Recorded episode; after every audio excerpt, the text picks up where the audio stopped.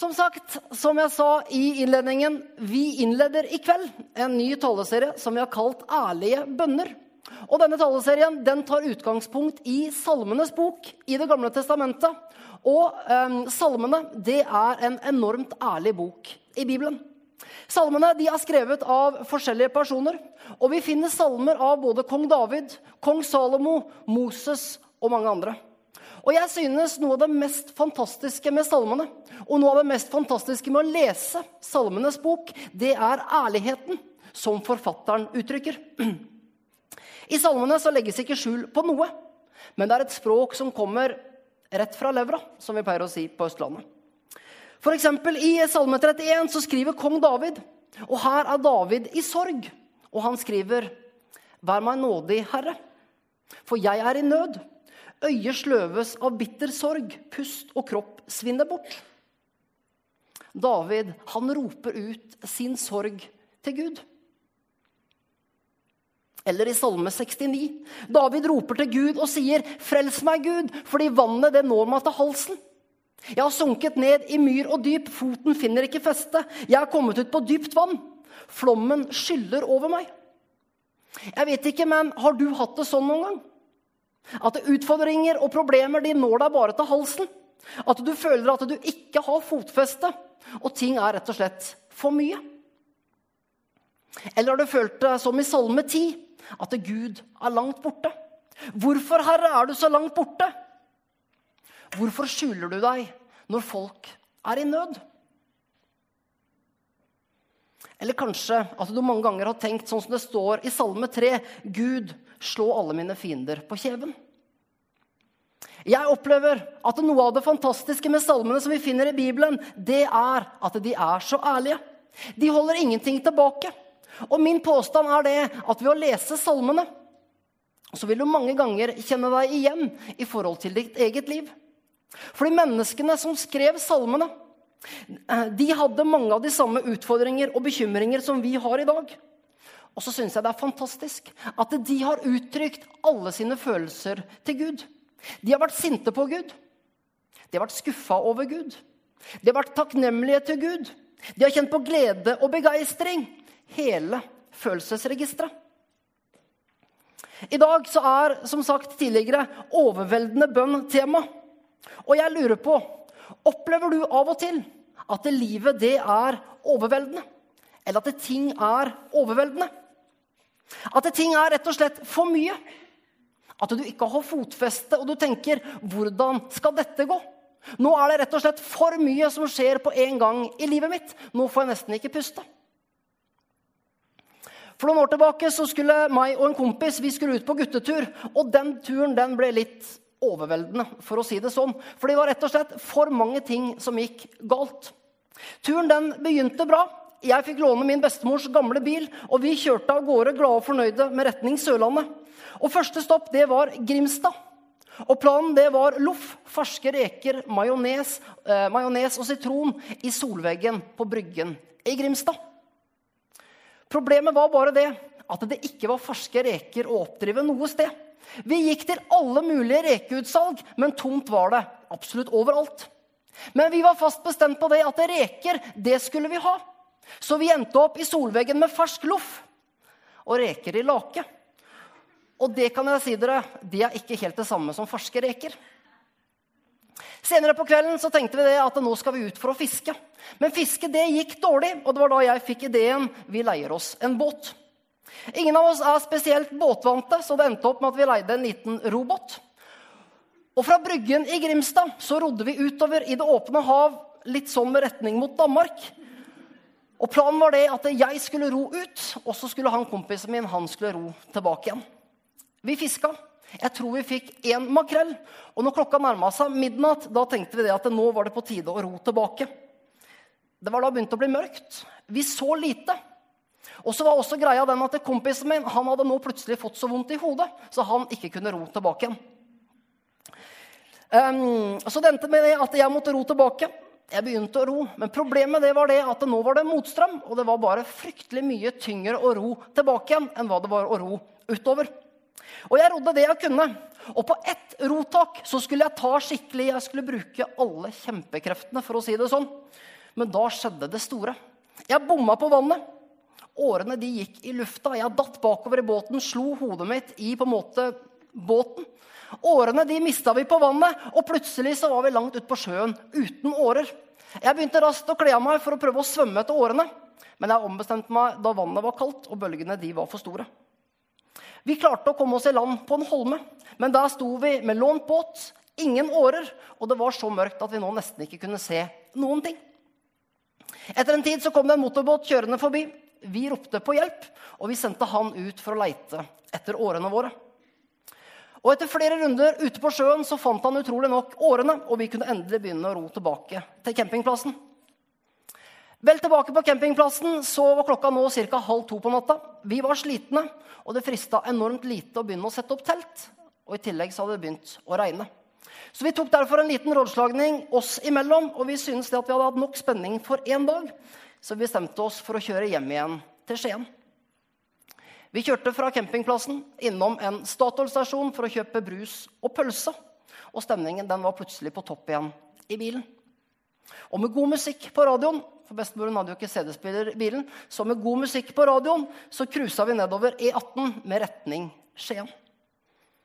Men vi hadde ikke kjørt mer enn ti minutter før alle lysene i dashbordet på bilen til bestemor lyste. Og bilen den stoppa momentant på E18, og der sto vi. Vi prøvde å starte bilen, uten hell. Vi åpna panseret som om det skulle ha noe å si, fordi ingen av oss hadde jo peiling på bil, men det føltes liksom riktig. Og Etter en liten stund så kom politiet kjørende forbi, og de spurte om vi trengte hjelp. Og det trengte vi absolutt. Vi sa det at vi fikk ikke start på bilen, og vi lurte på hva som kunne være galt. Han ene politimannen han eh, gikk da en runde rundt bilen. Så fant han registerreima som hang og slang. Og så sa han det at dere kan nok bare glemme å få start på denne bilen i natt. Så dagen som skulle være perfekt med reker, fiske og båttur, den endte opp med at vi ble kjørt til nærmeste campingplass av politiet. Og Da var det å begynne å sette opp telt i regnvær, og klokka den var ca. nå 03.00. Jeg vet ikke, men jeg tenker at av og til så blir ting rett og slett litt for mye. Og av og til så er kanskje ting litt overveldende. Og jeg tror det at det overveldende, det kan det være i hverdagene våre også, fra tid til annen. Kanskje opplever du at arbeidsmengden som du har foran deg akkurat nå, den er for stor. Kanskje er det for mye som skjer på jobb eller skole. Kanskje har du en konflikt gående med en annen person, enten et familiemedlem eller en kollega, som bare suger energi ut av deg. Eller er det kanskje slik at ting rett og slett bare akkurat nå er vanskelig? Og jeg tror for oss alle så er det sånn at av og til så kan det bli for mye. Problemer kan hope seg opp. Utfordringer som er store, eller omstendigheter som bare er kjempevanskelige. Og I Salme 55 så sier David.: Vend øret til min bønn, Gud. Skjul deg ikke når jeg ber. Lytt til meg og gi meg svar. Og I den engelske oversettelsen så står det.: For jeg er overveldet av alle mine problemer. Og jeg vet ikke, men jeg tror at det sånn kan livet være av og til. Vi kan rett og slett være overveldet av problemer og utfordringer. Og så er spørsmålet hva gjør vi med det? Hva gjør vi når problemene og utfordringene er mange? Jeg tror det at Ofte så kan vi være frista til å løpe av gårde. Og mange ganger så kan kanskje det være det letteste å ta minste motstands vei. Løpe fra alle problemer og ønske at vi var i en helt annen situasjon. Jeg vet ikke hvordan det er med deg, men jeg har i hvert fall følt det sånn mange mange ganger. Jeg har tenkt det at nå orker jeg ikke mer. Tenk om jeg bare kunne glemme alt og bare løpe av gårde. Og så er det sånn når vi leser i Salme 55, at det kong David han tenkte også sånn. For i vers 7 så står det 'Hadde jeg vinger som duen', da fløy jeg bort og fant meg et bosted. Som barn så kunne jeg ofte gjøre det, og da var det mange ganger greit. For utfordringene som var store den ene dagen, de kunne gjerne være borte den neste dag. Og som barn så var det mange ganger greit å bare flykte av gårde. Men som voksen så er det ikke like enkelt å løpe. Fordi vi kan løpe fra problemene våre. Vi kan utsette dem. Men ofte så vil det innhente oss, og vi må gjøre noe med det. Vi kan ønske som David å fly vekk som duen.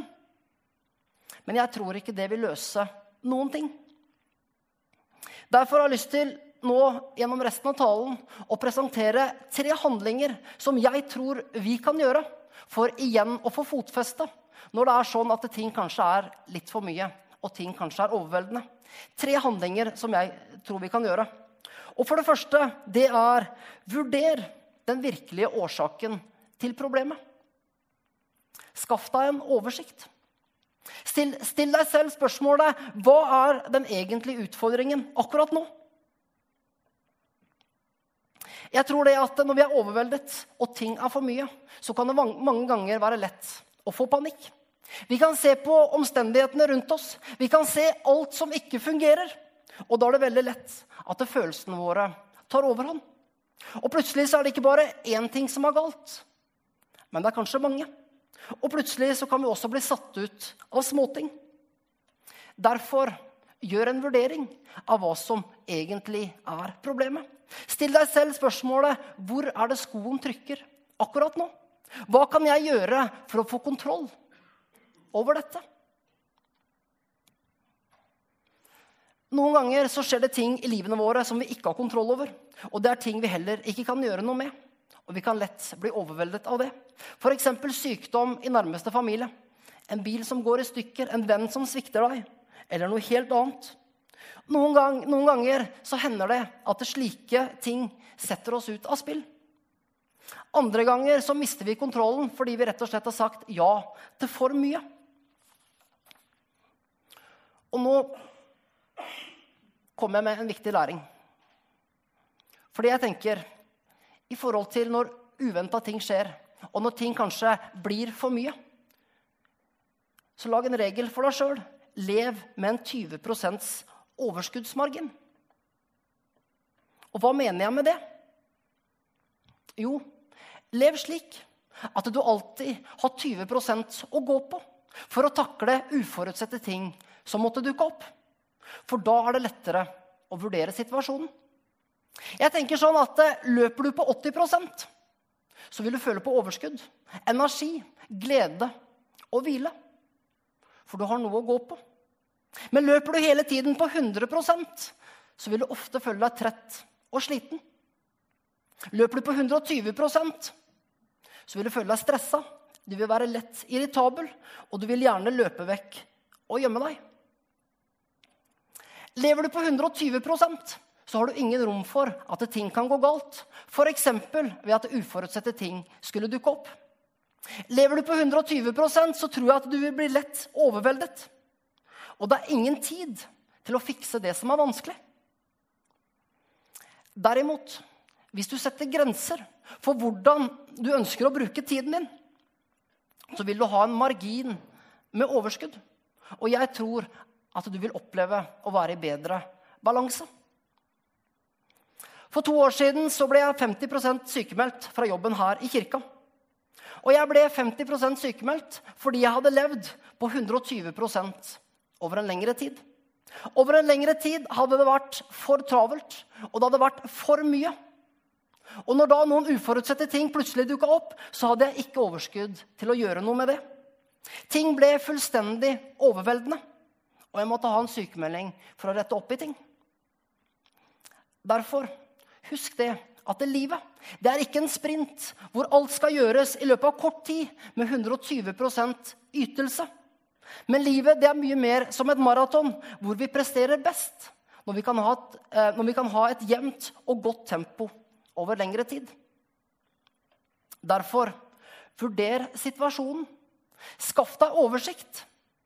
Og min påstand er at du vil lettere få, over, vil lettere få oversikt når du velger å leve på 80% og du har en 20% overskuddsmargin. Det andre som vi skal se på, det er gi problemene dine til Gud. I Salme 55, vers 23, så sier David.: Kast din byrde på Herren, fordi han vil sørge for deg. Han lar aldri den rettferdige vakle. Og så er mitt spørsmål til deg hvem gir du dine utfordringer til? Løser du alt selv, eller gir du det til Gud og la Han hjelpe deg?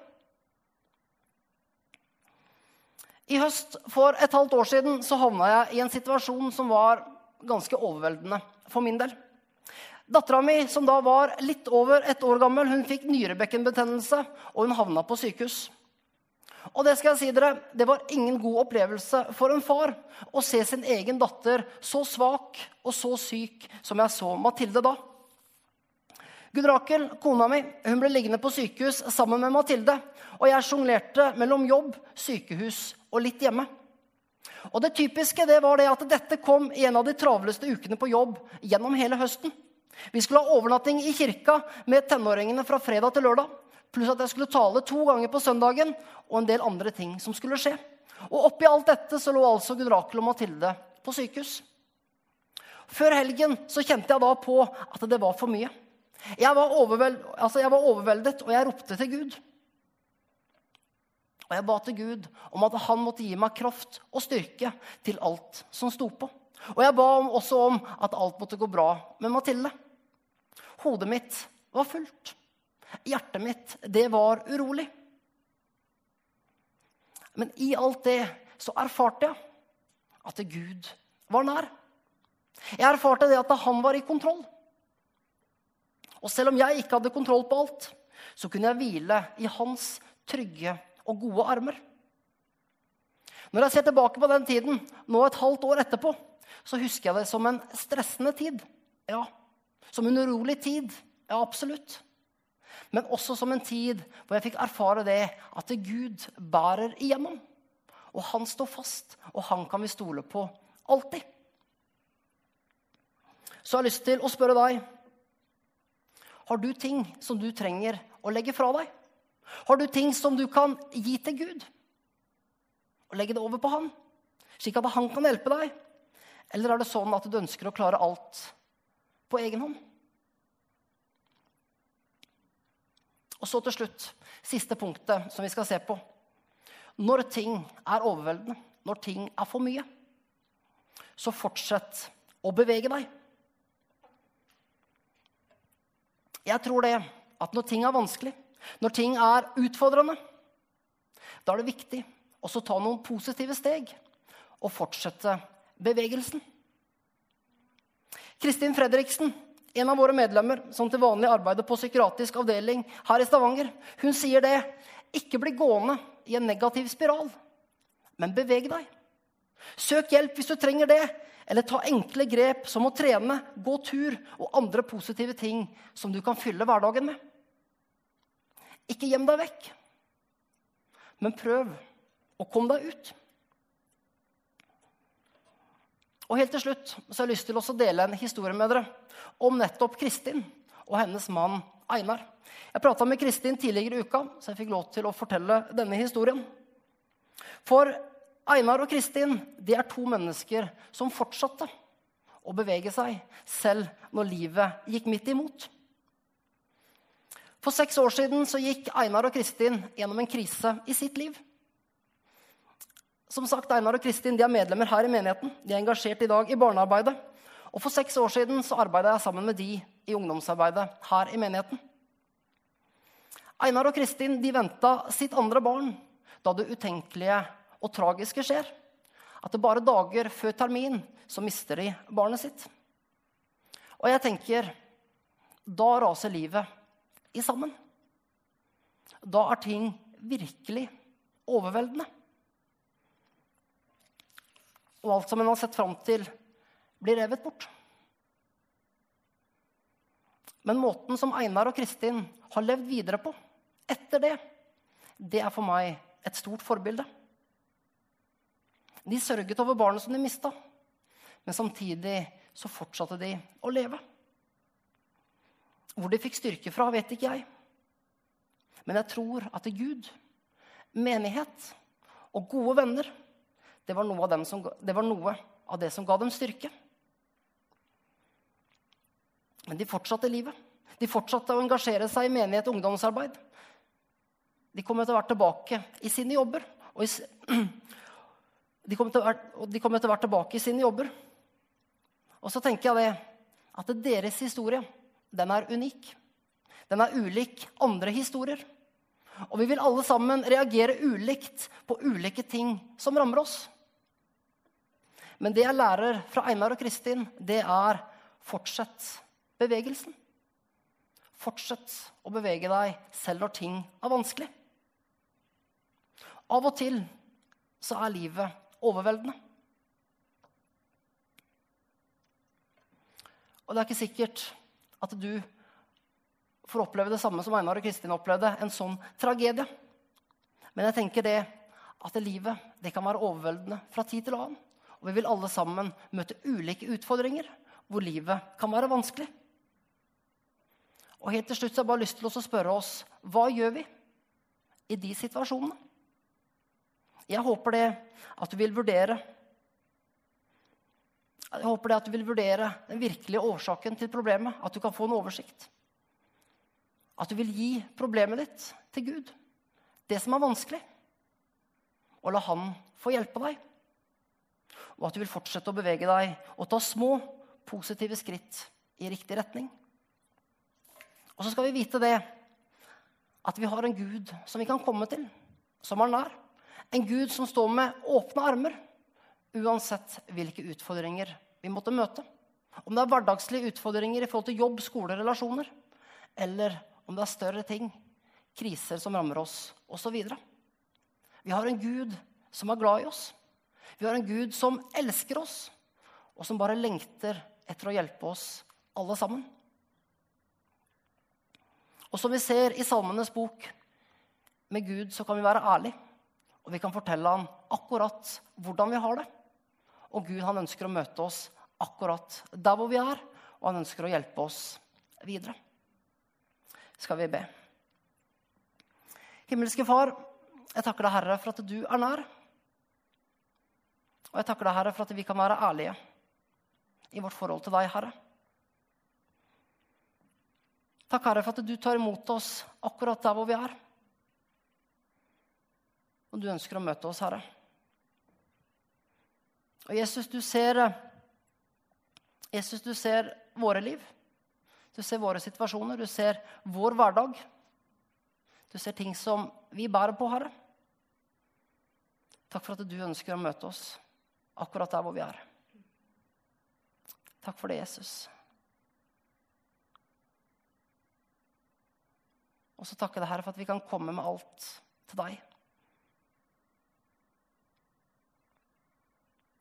Takk, Jesus, for det. Og takk, Herre, for at hos deg så er det frihet. Akkurat sånn som vi sang, sang i sangen tidligere. Takk, Jesus.